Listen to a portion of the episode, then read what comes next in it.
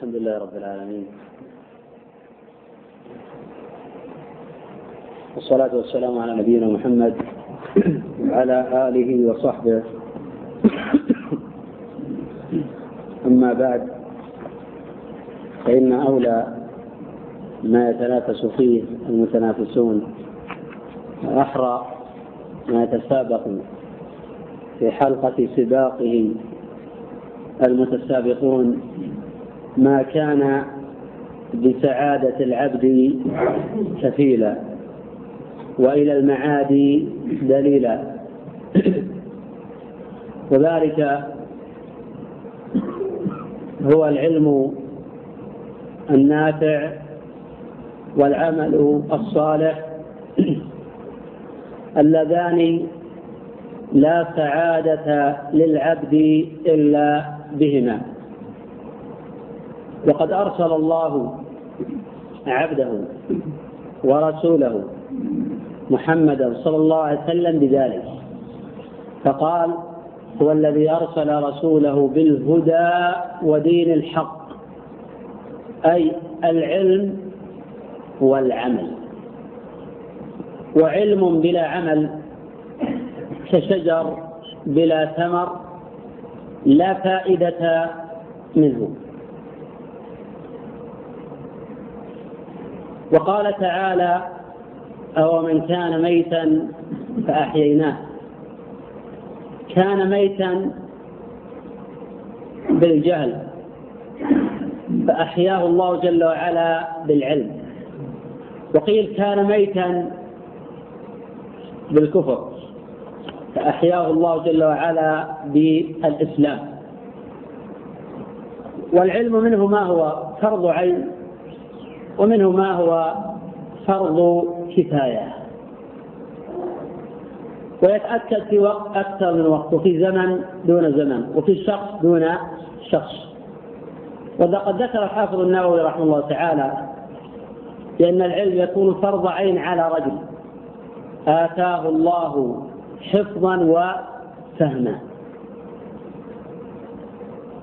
لأنه في هذه الحالة يستطيع أن يتناول العلم وأن يأخذه وأن يذب عن كتاب الله تحريف المبطلين وانتحال الجاهلين. فإنه يحمل من يحمل هذا العلم من كل خلف عدوله ينفون عنه تحريف الغالين وانتحال المبطلين وتأويل الجاهلين. وإن الله جل وعلا لا يقبض العلم انتزاعا ينتزعه من صدور الرجال ولكن يقبض العلم بقبض العلماء. فإذا كان العلماء يموتون والجهال لا يتعلمون. يندرس العلم. وإذا خفي العلم في مجتمع حل الشرك محل التوحيد. وهذا موجود الآن في كثير من الأمصار يجعلون الشرك توحيدا. يجعلون دعاء غير الله. وطلب المدد من الأموات والغائبين من الإيمان. وقد يرتكبون الشرك باسم المصلحة. كالذين ينصرون الكفار على المسلمين تحت غطاء المصالح. ويسمون الأسماء بغير مسمياتها والعامة يتجاوزون مع كثير من هذا الطرح لأن العلم خفي عليهم. فحل الكفر والشرك محل التوحيد وحلت البدعة محل السنة الموالد النبوية. ولقد حدثت في حدود عام ثلاثمائة وستين على أيدي العبيديين الذين يسمون بالفاطميين كذبا وزورا. طبعا ليسوا بفاطميين هؤلاء. ثم أول من أحدث بدعة المولد ويرون الذي لا يقيم هذه البدعة فإنه لا يحب رسول الله صلى الله عليه وسلم. فيحلون البدع محل السنن. وحلت المعصية محل الطاعة. وحل الظلم محل العدل. جاء في صحيح البخاري من طريق ابن جريج عن عطاء عن ابن عباس في تفسير قول الله جل وعلا وقالوا لا تذرن آلهتكم ولا تذرن ودا ولا سواعا ولا يغوث ويعوق ونسرا قال ابن عباس هذه اسماء رجال صالحين من قوم نوح؟ الشيطان لما نصبوا لمجالسهم التي كانوا يجلسون فيها أنصابا وسموها بأسماء ففعلوا ولم تعبد حتى إذا نسخ العلم. هذه الرواية الصحيحة من نسخ صحيح البخاري نسخ العلم. جاء في بعض نسخ البخاري ونسي العلم. النسخ الصحيحة ونسخ العلم. بمعنى اندرس وذهبت آثاره في هؤلاء. عبدوه من دون الله لأن الشيطان دب إليهم. قال إن وائلكم. ما صوروا صورهم؟ إلا أن يعبدونهم. ولماذا يصورونهم؟ فعبدوهم من دون الله. الشان في ذلك أن ذهاب العلم أدى إلى ظهور الشرك وأن وجود العلماء يؤدي إلى وعي الشرك في مهله وقمع البدع وأهل الضلال. وهذا ليس لكل علم إنما هو للعلم الموروث عن رسول الله صلى الله عليه وسلم الذي تتمثل حقائقه في قلب حامله. وأما إذا كان العلم نظريا يقرر نظريا ويعزل عن أرض الواقع فمثل هذا العالم أو لا نستطيع أن نمثل صورة هذا العالم أعظم من تمثيل الله لا في سورة الأعراف كمثل الكلب. تحمل عليه يلهث أو تتركه يلهث أو في سورة الجمعة كمثل الحمار يحمل أسفارا.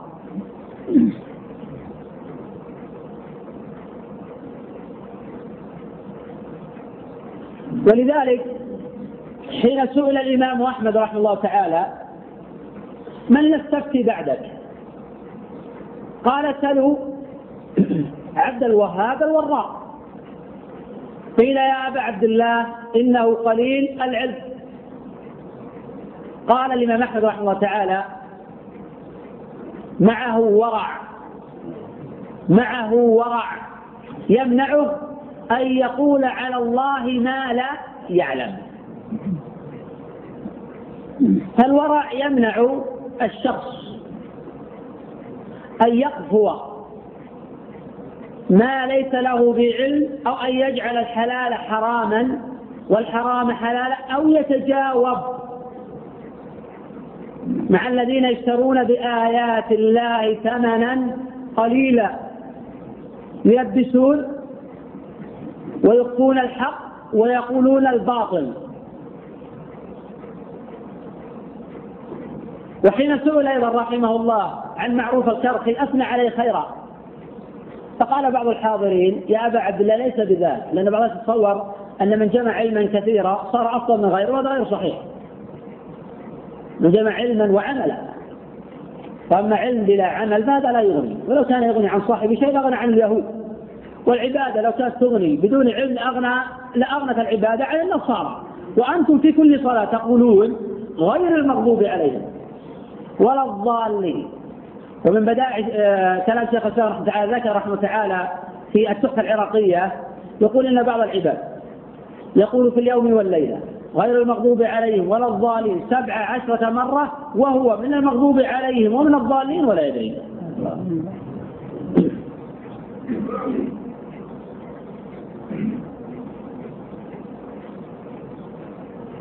أثنى الإمام أحمد رحمه تعالى على معروف خيرا. فقيل ليس بذاك أي في العلم.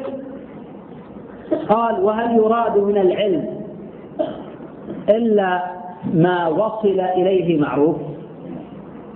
الله جل وعلا يقول عن أهل الكتاب قل يا أهل الكتاب لستم على شيء حتى تقيموا التوراة والإنجيل. فهذا خطاب للذين آمنوا وخطاب لأهل القرآن. فيا أهل القرآن لستم على شيء. حتى تقيموا القرآن. الصحابة رضي الله عنهم حين عملوا بالقرآن وتجاوبوا مع أخبار وأوامر القرآن وانتهوا عن نواهيه فتحوا البلاد شرقا وغربا ولم يكن بكثرة ولا بعدد. كان هذا بإيمانهم وصلاحهم وحسن سياستهم وإقامة العدل على نفوسهم. قبل إقامة العدل على الآخرين. فهذا أبو بكر رضي الله عنه يخطب الناس. يقول إني عوجيت فقوموني. ويقول ذلك صدقة قد بعض الناس يقول إذا أخطأت ردوا علي ويكذب لو رد عليه شخص لغضب. ويقول ذلك صدقا. ولذلك هذا طبعا أثر صحيح. رواه محمد إسحاق في السيرة. قال حدثنا الزهري قال حدثنا أنس. فالإسناد صحيح. وجاء في البخاري أيضا قال بن عروة عن أبيه عن عائشة حين جاءت فاطمة والعباس وجميع يطلبون ميراث الرسول صلى الله عليه وسلم من أبي بكر. قال أبو بكر إني أخشى. إن تركت شيئا من أمري من فعل رسول الله صلى الله عليه وسلم أن يزيغ قلبي. وكان يقرأ في صلاة المغرب في الركعة الثالثة بعد الفاتحة ربنا لا تزغ قلوبنا بعد إذ هديتنا. وهب لنا من لدنك رحمة. هذا رواه مالك الموطأ بسند صحيح.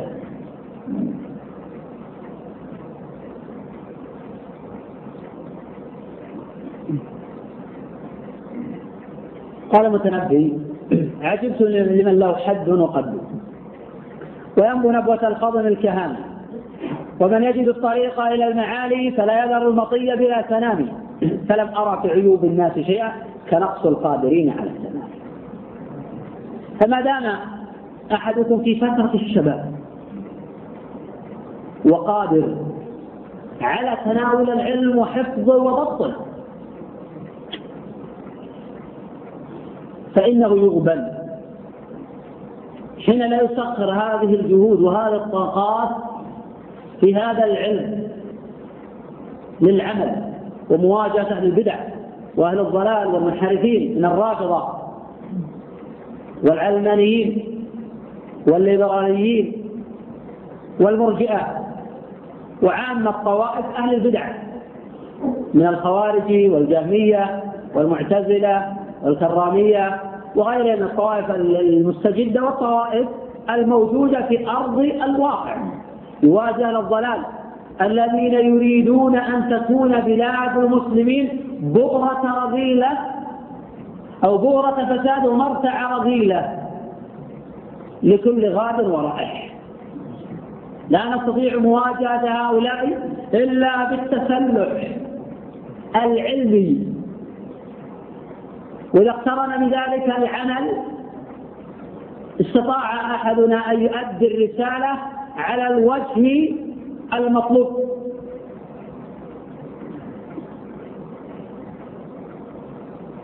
وما دام العبد صغيرا يستطيع أن يحفظ.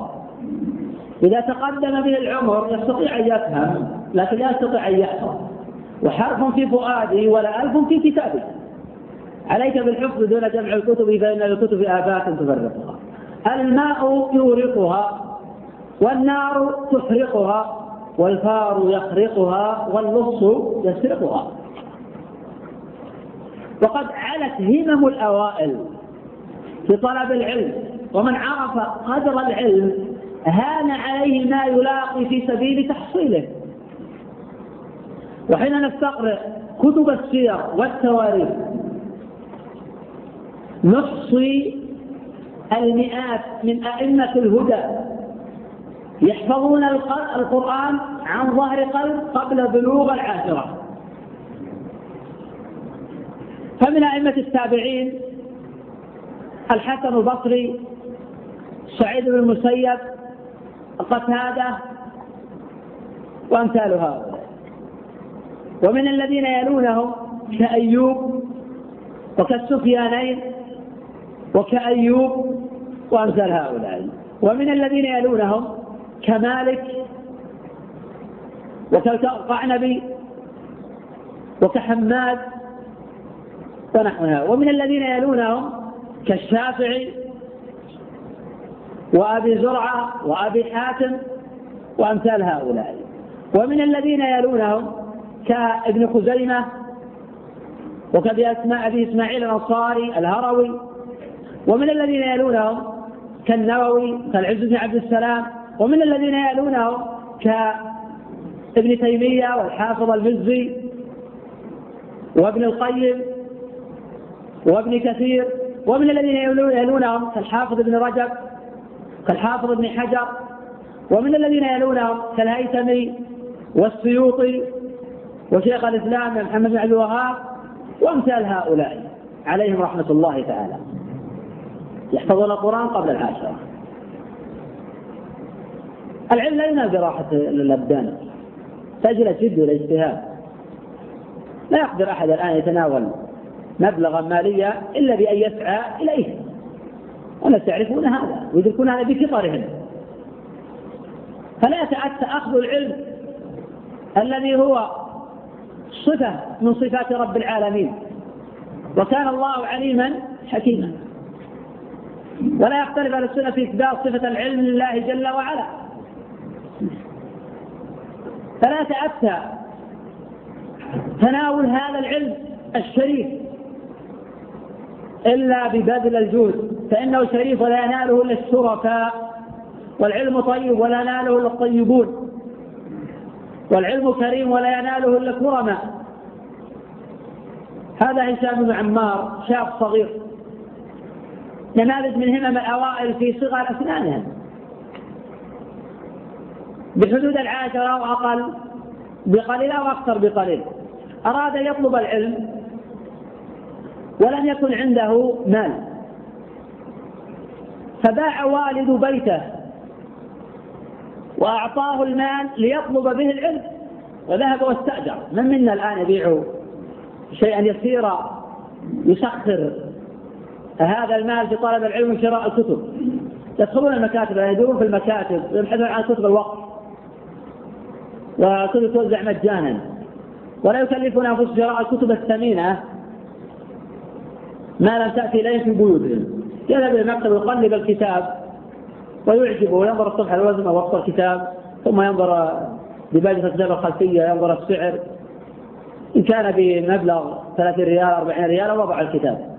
ولكن لا يتحرج يشتري شماغا يبلع بعد شهر شهرين ب 150 ريالا. ولا يبالي بذلك ولا يهمه. ويستكثر 30 ريالا على كتاب من كتب أئمة الإسلام. بينما كان على الأوائل يصفون أنفسهم بالإفلاس كالزهري يصف هذا الحديث بالإفلاس. ولا ترى صاحب حديث إلا وهو مفلس. وذلك من جراء شراء الكتب. والعمل أيضا. يكونون من الكرماء ومن الأسقياء ومن الذين لا يشترون بآيات الله ثمنا. قليلا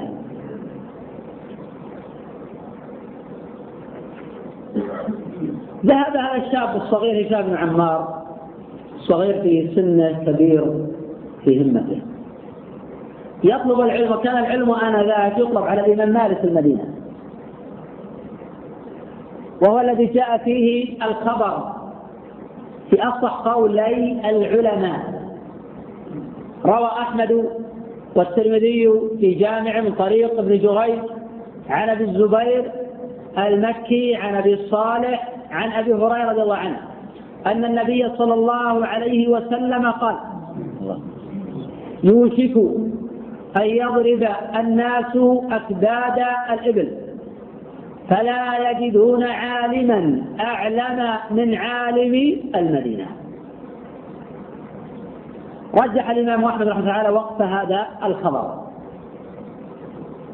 على أبي هريرة ولو حكم مرفوع. وما كما قال الحافظ العراقي في الفية ومات عن صاحب بحيث لا يقال رأيا حكم الرفع على ما قال في المحصول نحو من أتى فحاكم الرفع لهذا أثبته وقال أبو عيسى عقبة وهذا حديث حسن صحيح. قال سفيان وجماعة يراد به الإمام مالك. وهذا الذي اختاره شيخ الإسلام ابن تيمية رحمه الله تعالى. فذهب هشام يطلب العلم على يديه فجلس وسط الدرس. وكان شابا صغيرا لا يعرف آداب الطلب. فقال يا أبا عبد الله حدثني. قال له مالك ويحك اقرأ. فإذا غلط رددنا عليه هذه طريقة جماعة من العلماء. وهذه طريقة جماعة من العلماء الذين اخذوا العلم على أيديهم. كان الطالب يقرأ اذا غلط رد عليه. ويعلق على ما يتيسر من قراءته. وكانت طريقة آخرين أن الطلبة يحفظون ويشرح شرحا واحدا للجميع. وفي كل الخير. والمقصود أن المعلم كما أحسن التحصيل في بداية طلبه يحسن التوصيل للآخرين. فأعاد هشام على مالك فأعاد على ناس فأعاد فقال مالك قم يا غلام فضربه خمسة عشر صوتا. أراد مالك بذلك أن يؤدبه لأن العالم بمنزلة الوالد لأولاده يؤدبهم بما يراه نافعا لهم. فهو حين يصعب خده عنهم أو حين يزجره أو حين يتشاغل عنهم لا يريد من وراء ذلك كبت مواهبهم. إنما يهدف من وراء ذلك أن يكون لهم أدب في بداية الطلب. فبكى هشام بن عمار ولم يتعجب مالك أنه لم يهرب بل تعجب أيضا حتى من البكاء لأن الأصل في الطالب أنه لا يبتعد خلاف طلبة العلم في هذا العصر. يحضر درسا أو درسين يتشاور عنه المعلم أو يسأل ويعتذر. عن إجابته ربما ينفر عن الدرس وهو لا يستبعد أن يسب عند باب المسجد.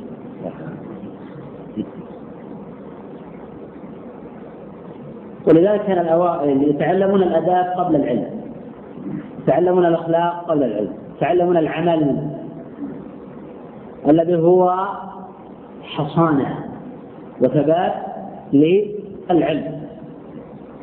قال مالك طالب حديث ويبكي. مالك نهيك رحمه الله تعالى. يدع الجواب فلا يراجع هلبة والسائلون نواكس الأذقان أدب الوقار وعز سلطان التقى فهو المطاع وليس ذا سلطان.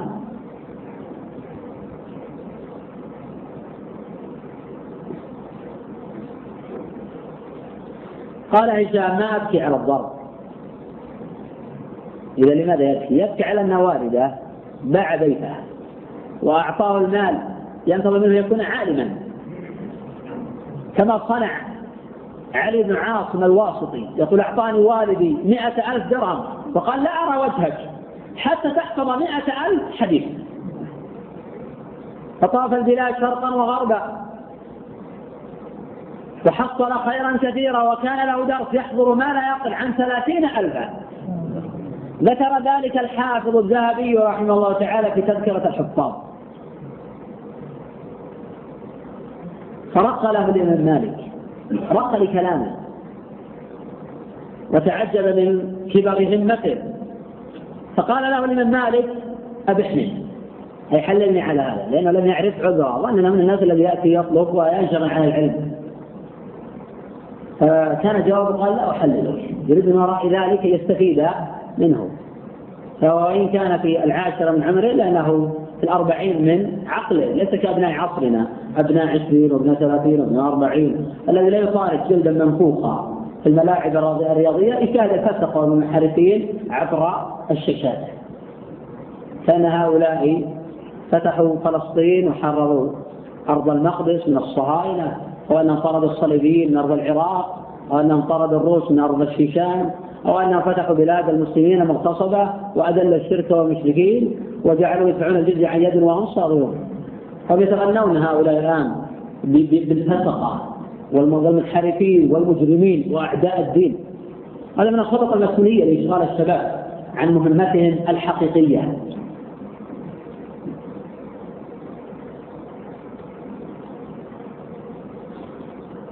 ابن عمر رضي الله عنه وهو في الرابعة عشر من عمره يتطاول للجهاد في غزوة أحد. يتطاول للجهاد. لعله يكون أحد الذين يتشرفون بالذب عن هذا الدين بألسنتهم ورماحهم وسيوفهم. ولو تأمل التاريخ من أول ما دون التاريخ إلى عصرنا هذا. حين يترجم لعالم بس لا تعد طبعا وجهة النظر. كانت التراجم أصبحت يعني نظرية. الرجل الأول لا يوصف شخص من الصحابة ولا التابعين إلا أنه غزا وفعل وفعل. أكثر مما يوصف بالعلم. يعني لا يمكن يعني أنفي أن يوجد أصلا. ترجمة للصحابي إلا ويقال في ترجمته غزا أو تخلف عن غزوة كذا. غزا أو تخلف يذكرون عذره يرون أن الدين لا يقوم بمثل هذا. والآن أصبح الجهاد وصمة عار في جبين المسلمين. أصبح المجاهد لم يكن خارجيا تكفيريا فهو إرهابي مطرود. يقذف بكل قبيح. ولا عجب يوجد هذا في الحقيقة من المجرمين المنحلين الذين لا يعرفون الله ولا يؤمنون بالله ولا بالآخرة. لكن هذا يوجد بكل أسف حتى من بعض المنتسبين للعلم. يتجاوبون مع الصحف ومع الإعلام وما وهذه الأمور. وعلى كل نرجع إلى عقل وهمة هشام. فقال مالك بحني قال لا أحل. قال بماذا تحللني؟ قال بأن تحدثني بأن تحدثني عن كل صوت ضربتني حديدا فلم يكن من مالك بد إلا يحدثه. فحدثه خمسة عشر حديثا. فلما فرغ قال يا أبا عبد الله اضربني ثانية وحدثني.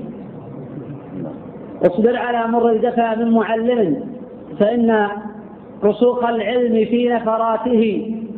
ومن لم يذق مر التعلم ساعة تجرع ذل الجهل طول حياته. ومن فاته التعليم وقت شبابه فكبر عليه أربعا لوفاته. وذات الفتى والله بالعلم والتقى. إذا لم يكون لا اعتبار لذاته. هذه من؟ صغار الأسنان. وفيما بعد أصبحوا كبارا في السن والقدر. هذا هشام بن ضرب أصبح فيما بعد شيخ البخاري.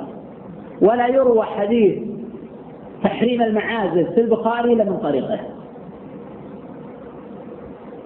أما هنا من هذا فحدث ولا حرج.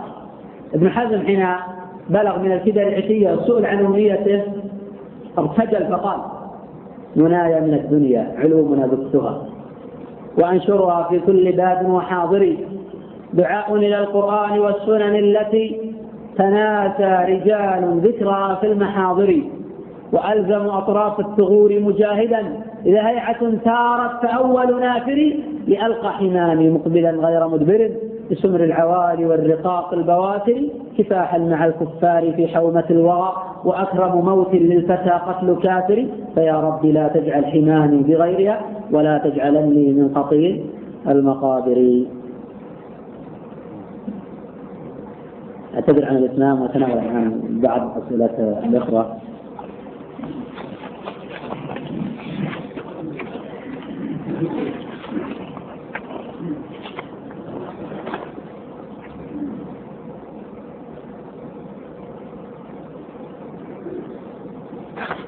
هذا الأخ يقول طريقة بيع الأسهم عند البنوك غير الربوية هل هي جائزة؟ وذلك مثل ما تفعله اللجنة الشرعية في بنك أو في شركة الراشدي من حيث وضعت قائمة للبنوك الشركات التي لا تتعامل بالربا وفي الحقيقة أن البنوك يعني مهما كانت أسماؤها الشركات مهما كانت مسمياتها كالراشدة وغيره لا ينفكون من الربا ولكن فمستقلها مستكثر ويختلف بنك أو شركة تنادي بالربا ويتعاملون بالربا الصريح عن أخرى. الأصل في معاملاتهم الشرع وقد يفرض عليهم الربا بصورة أو أخرى.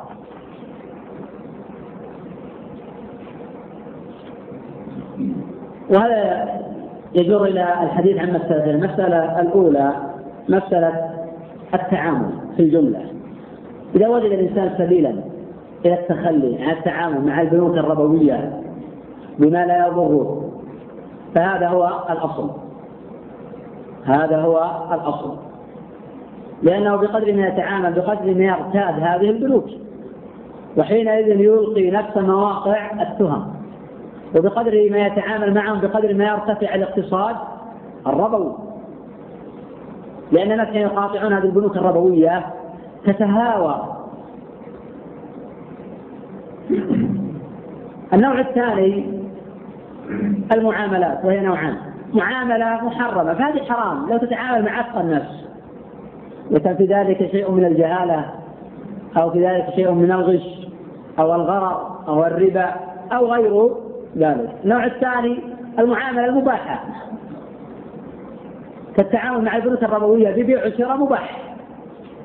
يعني لا يدخله لا غرر ولا جهالة ولا ربا ولا بيع ما لا يملكون ولا شيء من ذلك.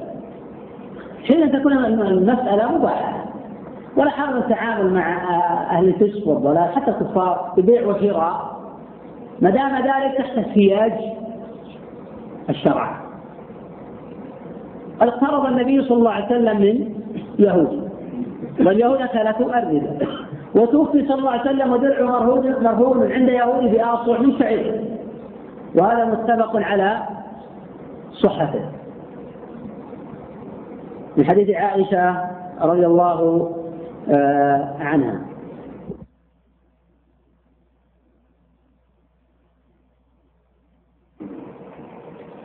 ثم الآن يجعلون يتعاملون في المعادن. يتعاملون بالسيارات. أكثر البنوك الموجودة الآن. حين يتأخر نزول الراتب على حسابهم يأخذون على التأخر نسبة.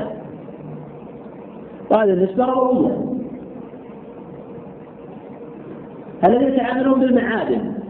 قبل أن توقع العقد يبذلون لك المال بمبيع له المعادن. سبحان الله سيتوفر المشتري بهذه السرعة وبهذه السهولة؟ وفي نفس الوقت هل يعني يوجد فعلا معادن الناس بالألاف وقد يبلغون الملايين يشترون المعادن. يتوجه يعني يوجد هذه المعادن لكل شخص حقه أم أنه حبر على ورق بيع المعادن كناحية فقهية جائز والتعامل بذلك تعامل ذلك حلال. ولكن لابد أن تتأكد أنه فعلا حين يريدون تسليمك هذه المعادن يقدرون على ذلك. وانهم يملكون السلعة قبل بيعها. فحينئذ يكون جواب سؤال يعني طريقة فعل الأسهم يعني هي حلال. ما لم تكن الأسهم في ذاتها من المحرمات. أو تكون المعاملة في ذاتها من المحرمات. وحينئذ يجب على العبد يتجنب آه، جملة كبيرة من الشركات التي تروج إلى في المجتمع كشركة الاتصالات مثلا. هي في الأصل أنها للاتصال لكن في ذلك شيء كثير من الحرام. شركة الاتصالات هي التي تروج بنظام السبعمائة؟ وتروج للعربسات في القنوات الفضائية. وتروج للقمار عبر عبر الإذاعات وعبر القنوات. وهم الذين يروجون لأكاديمي ستار ولغير ذلك. فلا يتأتى ترويج الفساد إلا عن طريقه فلذا لا يضع ماله في الحرام. وينأى بنفسه. بعض الناس يقول أضع مالي مع هؤلاء. ثم أتصدق به. سبحان الله. تصدق بالحرام. والله مالك الحرام ودائما هذا يذكرنا بقصة الأصمعي. الأصمعي رحمه الله رأى رجلا يسرق. يسرق ويتصدق. فتعجب من الأصمعي. فجعل الأصمعي يلاحقه فسرق رمانا ثم وجد فقيرا فأعطاه فأمسك بيد الأصمعي. قال يا رجل. رأيتك تسرق وتصدق. قال نعم. أسرق وأتصدق. أنا اللي سرقت على سيئة واحدة. سيئة واحدة. ويتصدق لعشر حسنات إلى سبعمائة ضعف إلى أضعاف كثيرة. فقال يا جاهل ليس هذا. هذا إذا تصدقت المال الحلال. أما المال الحرام فأنت مأجور غير مأجور. وهذا يبدأ على وجه التخلص. فمثل هؤلاء الناس يضع أمواله في الأمور المحرمة فأنا تصدق. أخرج النسبة هذا غير صحيح. أنت تروج للحرام وترسخ ذلك في أرض الواقع. ويجب أن تنأى بنفسك عن هؤلاء وأن تعتزلهم وأن ألا تضع مالك في هؤلاء الذين يأكلون بمالك ومال الثاني والثالث الحرام ويروجون الفساد. وبقدر ما تضع بقدر ما ينالك من الإثم تروج الفساد في المجتمع. ولو قرشا آه واحدة. هذا الأخ يقول لو صلى رجل بملابس مسروقة أو توضأ بماء مسروق أو مغصوب وصلى بذلك هل صلاته صحيحة؟ في ذلك خلاف بين العلماء فالحنابلة يبطلون الصلاة في ذلك ويرون بطلان الصلاة في أرض مغصوبة وماء مغصوب ونحو ذلك وهذا المذهب ضعيف وهذا المذهب ضعيف. والصواب ما ذهب إليه أكثر الأئمة من صحة الصلاة. لأن هذا غير متعلق بشرط من شروط العبادة. ليس من شروط الوضوء أن يكون المال أن يكون الماء حلالا. من شروط الوضوء أن يكون الماء طاهرا. وليس من شروط الصلاة أن تصلي في أرض مباحة. لكن لو ستر عورة بمال مغصوب أو بثوب من حرير ستر العورة شرط لصحة الصلاة. ستر العورة شرط لصحة الصلاة. فإذا ستر العورة بشيء محرم تبطل صلاته في قول طائفة. في قول ثالث أيضا أنها لا تبطل وأن التجاوب يكون مع موارد الأدلة.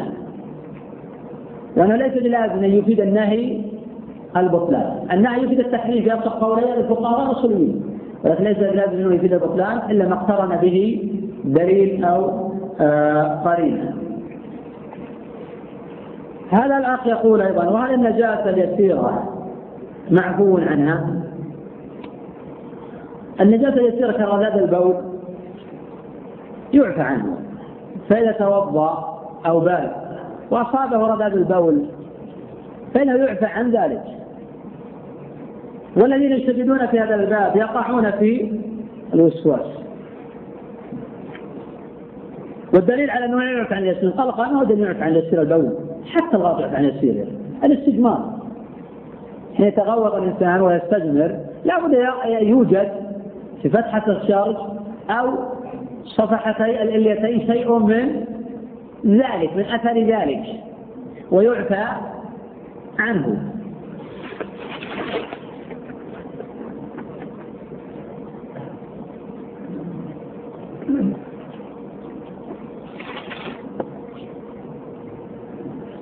هذا الأخ يقول أحبك في الله أحبك الله الذي أحببتني فيه جزاك الله خيرا. يقول سؤالي أني عندما كنت في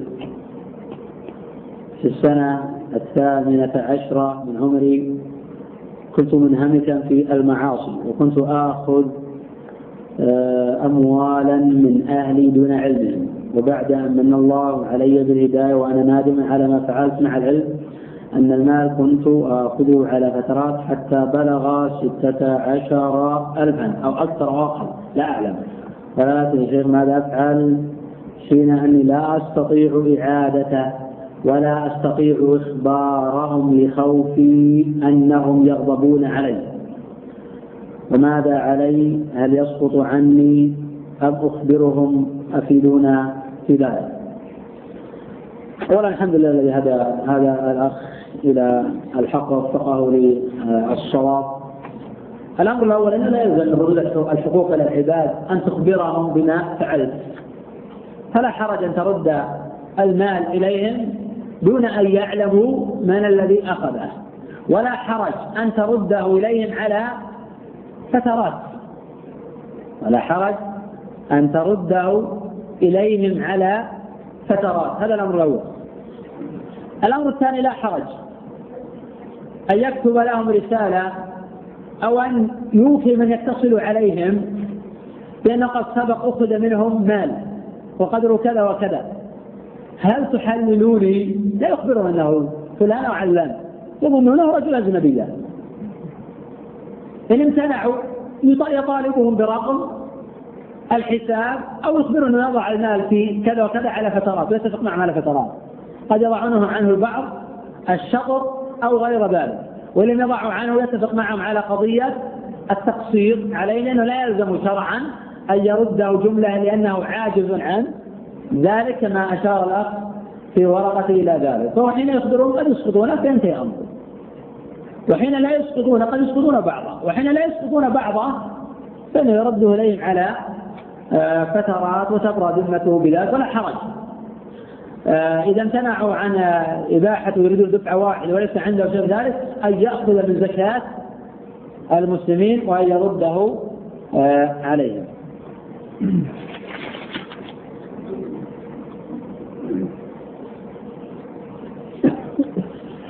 هذا الأخ يقول كيف يقوي المسلم ولا سيما طالب العلم في قلبه تعظيم ربه حق التعظيم وخشيته حق الخشية. هذا الأمر يحتاج إلى التأمل في القرآن والتدبر. فإن الله جل وعلا يقول وقال الرسول يا ربي إن قوم اتخذوا هذا القرآن مهجورا. يتصور كثير من الناس أن هجر القرآن هو هجر تلاوته وهذا غلط. فهجر القرآن مراتب منه هجر التلاوة ومنه هجر العمل بالقرآن ومنه هجر تدبر القرآن ومنه هجر التحاكم إلى القرآن ومنه هجر التشافي بالقرآن. الأمر الثاني التأمل في أسماء الله وصفاته. وأن يظهر أثر ذلك على الجوارح حين يقرأ وكان الله عفوا قديرا يتصف بصفة العفو. الله عفو ويطالبك بالعفو وليعفو والعافين عن الناس. إذا حين تقرأ ذلك أن الله موصوف بالعفو ونثبت لله ذلك إثباتا بلا تمثيل وتنزيها بلا تعطيل ونثبت لله القدرة عفوا قديرا إذا إذا قدرنا على شيء نعفو ونصبح وهذا العفو صفة كمال في حق الله جل وعلا. والله جل وعلا أمر عباده بالعفو. وليعفوا وليصفحوا. ألا تحبون أن يغفر الله لكم؟ هذه الآية التي أبي بكر. حين حلف ألا ينفق على نصبه وكان ابن خالته. وفي نفس الوقت ما كان ذنبه. كان ذنبه كبيرا وعظيما. وكان يتجاوب مع أفكار الخبيث ابن أبي في قصد عائشة بالإفك وكان يشيع ذلك في أرض المدينة. وكان رجلا بدريا. ولكنه غرر به. تجاوب مع المنافقين. وكان ينفق عليه الذي وكان الذي ينفق عليه هو أبو بكر رضي الله عنه. فحلف أن لا ينفق عليه مرة أخرى. فأنزل الله ذلك. فليعفوا وليصفحوا ألا تحبون يغفر الله لكم؟ قال ابو بكر بلى. فأعاد عليه النفقة وعفى وأصلح. فالذين يتأملون في القرآن يتأملون في أسماء الله وآياته يتأملون في الأسماء والصفات لابد أن تظهر هذه الأمور على جوارح وتتمثل في قلوبهم. الله جل وعلا أمر بخشيته وأمر برهبته وأمر بالخوف منه. إذا كان الإنسان يخاف من المخلوق ما لا يخاف من الله. لا يقع في قلبه تعظيم الله. وعجب من يطلب من الناس أن يعظموه وهو لا يعظم الله. ما لكم لا ترجون إلا وقارا. ربما يطلق العنان لعينيه في نظر الحرام. ولكنه لا ينظر الحرام بحضرة من يستحي منه كشيخه أو معلمه أو أحد الوالدين لا يستطيع أن يفعل الفاحشة بحضرة من يستحي منه من أقاربه. ولكن الله معك. حين تخلو معك. إذا خلوت بريدة إذا خلوت بظلمة في ريبة والنفس داعية إلى الطغيان استقم من نظر الإله وقل لا إن الذي خلق الظلام حرام. الذي يراك حين تقوم وتقلبك في الساجدين وقل اعملوا فسيرى الله عملكم. فالذين يستحضرون رؤية الله لهم يبتعدون عن مقاربة المحرمات. الذين يثبتون لا صفة السمع وأن الله سميع يحسبون أن لا نسمع سره ونجواه يبتعدون عن الغيبة وعن النميمة وعن الوقوع والولوغ في أعراض الآخرين. لأن الله جل وعلا مجازيهم على ذلك. فهذه الأمور تبعث على الخشية الخير أيضا في واقع في سيرة النبي صلى الله عليه وسلم. في خشية ربه في سير الصحابة في قيام الليل في الصيام في التقوى في الورع في نشر العلم في الجهاد في سبيل الله في الإنفاق. أبو بكر رضي الله عنه حين دعا الإنفاق في الجهاد. أتى أبو بكر بكل ماله وكان عمر ابنه سابقا. يقول اليوم أسبق أبا بكر. فأتى ومتكاثرا بنصف ماله. يظن أنه يسبق أبا بكر لأنه أتى بالنصف. فقال النبي صلى الله عليه وسلم بكر ماذا أبقيت لأهلك؟ قال أبقيت لهم الله ورسوله صلى الله عليه وسلم. قال عمر والله ما أسابقك إلى خير أبدا.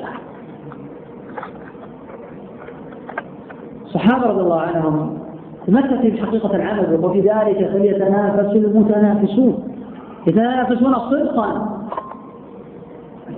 كثير من الناس الآن لا يناصر الدين ويتمنى نصرة الدين. ولذلك يقول الشيخ السعدي رحمه الله له كلام كبير على الطائفة المنصورة والفرقة الناجية وتقسيم الناس في المجتمع. يقول الناس ينقسمون إلى ثلاثة أقسام. قسم متشائم من نصرة الدين. ويرى أن الإسلام لا يستطيع أن ينهض بالأمة من كبوتها.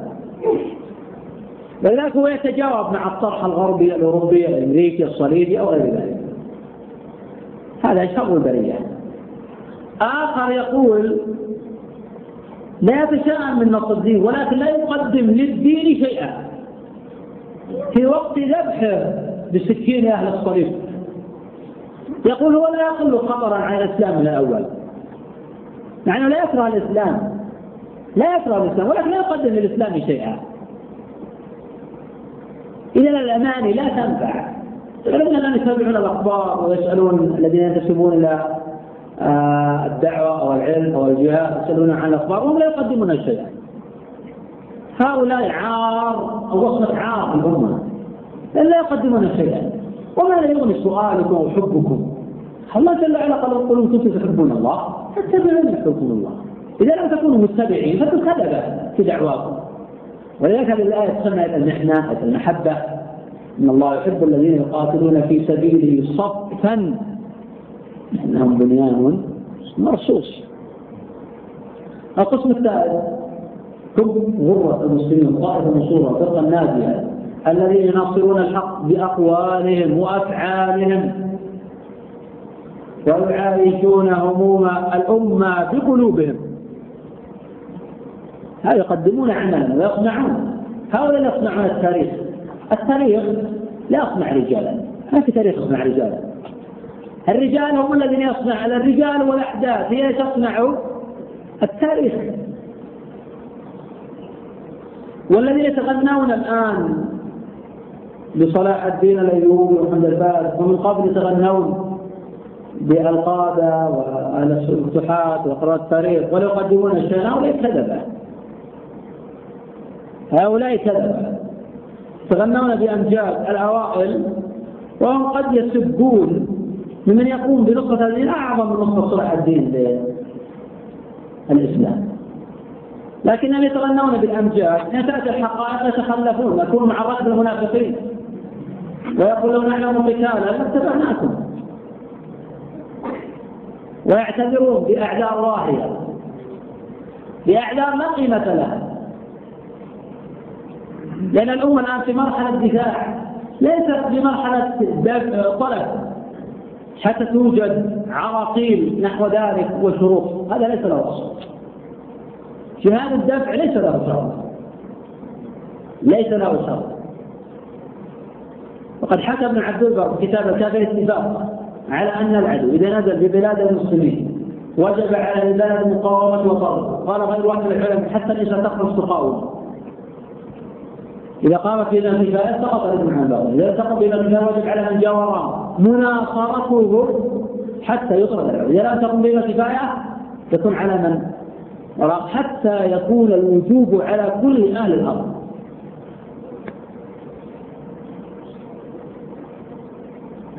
عذر لأحد إذا عن المناصرة على قدر طاقته أما كون الإنسان يكون في وجه هؤلاء وفي مواجهة هؤلاء وفي سب هؤلاء وهو لا يقدم شيئا. فيضع نفسه في الحقيقة في صف المنافقين. لا يضع نفسه في صف المقاومين. بالتالي الآن الأمر يحتاج إلى عمل حقيقي. بدراسة كتاب الله وأسماءه ودراسة الواقع وسيرة رسول الله صلى الله عليه وسلم.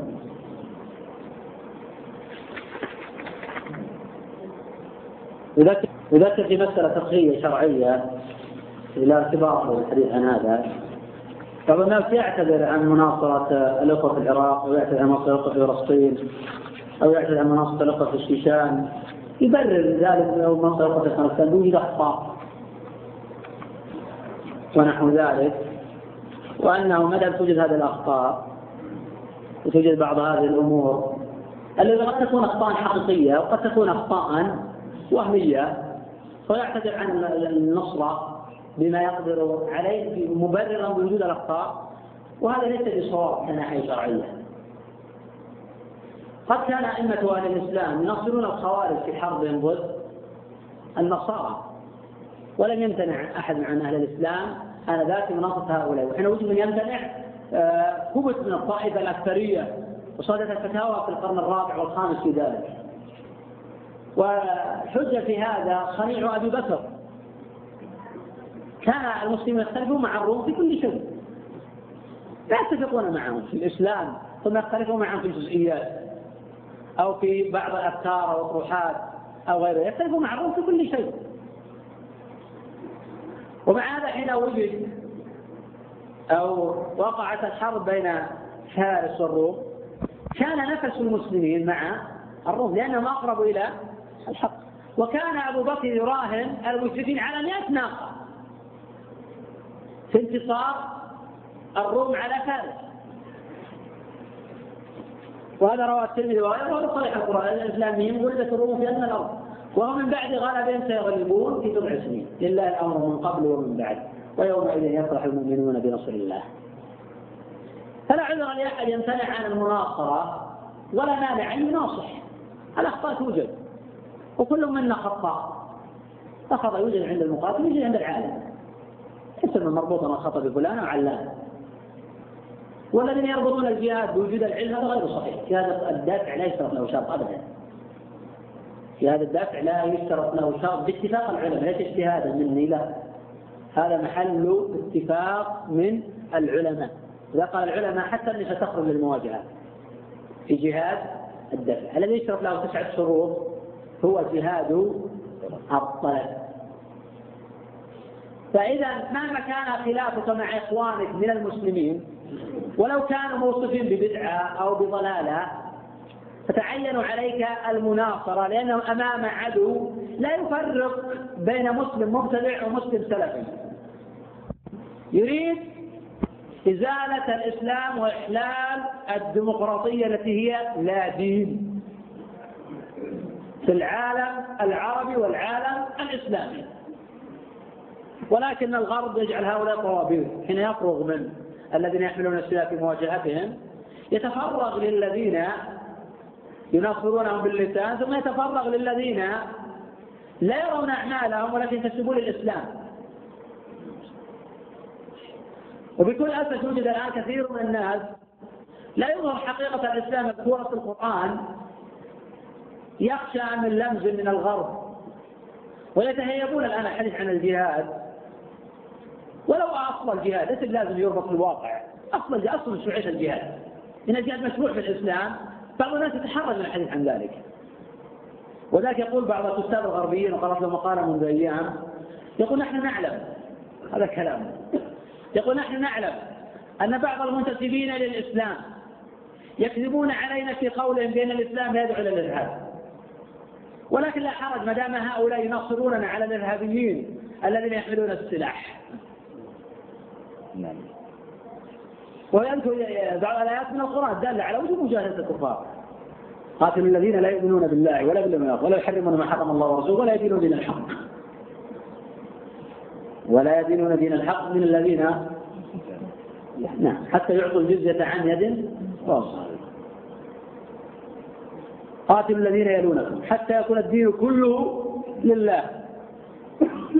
وغير ذلك من الأدلة الدالة على مقاومة. وما لكم لا تقاتلون في سبيل الله. والمستضعفين من الرجال والنساء والولدان. الذين يقولون ربنا أخرجنا من هذه القرية الظالم أهلها.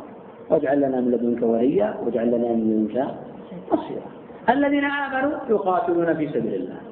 والذين كفروا يقاتلون في سبيل الطاغوت. فقاتلوا أولياء الشيطان. إن كيد الشيطان كان ضعيفا. العدو ضعيف. ولكن يحتاج منا إلى صدق. الصحابة رضي الله عنهم في غزوة موتى كانوا ثلاثة آلاف. وكان عدد عدو لا يقل عن مئة وعشرين ألف. وذكر بعض المؤرخين أنه لا يقل عن مئة ألف. وحين قال بعض الصحابة كيف نواجه هؤلاء وهم أكثر منا عددا وعددا.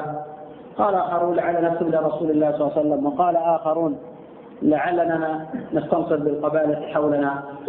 قام عبد الله بن رواحة وخطب الناس وقال أيها الناس إنكم لا تقاتلون لا بعدد ولا بعدد. وإن الذي منه تهربون الآن بكلامه هو الذي له وهو الذي خرجتم تطلبون. إنما هو الظفر أو الشهادة. شجع الصحابة وقاتلوا. وانتصر المسلمون في غزوة موتى التي وقعت في السنة الثامنة من الهجرة. هذا يحتاج إلى صدق وإلى توحيد وإلى إخلاص وإلى ترابط وإلى تلاحم وإلى الاعتصام بحبل الله وإلى نبذ الخلاف وإلى توحيد الصفوف؟ وإلى تأجيل المسائل الخلافية إلى ما بعد. فرض الصليبي من بلاد المسلمين. قلت قبل قليل وأكرر أن العدو لا يفرق. ما دام هذا يحمل الهوية. وذاك الغرب الآن يهينون حتى عملاءهم تأمل في قرضاي. وهو رأس الشرق هذا العصر. أو من رؤوس الشرق هذا العصر. ما دام أنه فقط يحمل الهوية أنه مسلم. وهو أكبر أعوان الصليبيين. يعمل في المسلمين ما يعمل بوش. وفي نفس الوقت يهينونه. ويحاولون إهانته. لماذا؟ لأنه فقط مجرد يحمل الهوية الإسلامية. فهؤلاء سوف يأتون على هؤلاء. ما دام يحمل الهوية الإسلامية ولو كان من أنصارهم من أعوانهم. فهم يريدون عزل الناس عن الإسلام لأن يعلمون ما دام يوجد فيه إسلام سوف يوجد يوم من الأيام مقاومة. وذلك التوجه الأخير الأمريكي لفرض مذاهب الرفض في الوطن العربي والديار الإسلامية. هذا التوجه الأمريكي لأن الرافضة دائما يعيدونهم كما صرح السيستاني بذلك وغيره من أئمة الرفض الخونة يعني يمني الأمريكان بضرب المقاومة وبطرد أهل السنة بأن تاريخ الرافضة جيد وسليم مع اليهود ومع النصارى. ولم يكن لهم أي حروب مع اليهود ومع النصارى. فلذلك هم يحاولون الآن إيجاد هذا المذهب الذي ليس له مقاومة للإسلام مقاومة للغرب باسم الإسلام. ولا يتصورون الآن أن حزب الشيطان في لبنان يقاوم اليهود غير صحيح. هم في الحقيقة حزب الشيطان الآن يحمي الحدود الصهيونية لمنع متسللين مجاهدين. هذه مهمته وماذا صنع؟ هو مدعو من إيران ومن دول الرفض هو لمنع متسلل. ولذلك لا يتجاسر يصرح نصرة هؤلاء. بل هو كما صرح حسن نصر الله منذ أيام بأن الشيعة الذين يناصرون قوى الاحتلال يقولون إنهم مجتهدون. وكما صرح أحد الرئيس الايراني السابق يقول لولا إيران ما سقط الطالبان. ولا هلك الأمريكيون في مستنقع الأفغان. هم يصرحون بذلك وهذا موجود وليس بخفي أقف على هذا. والله أعتقد أن الأسئلة كثيرة جدا.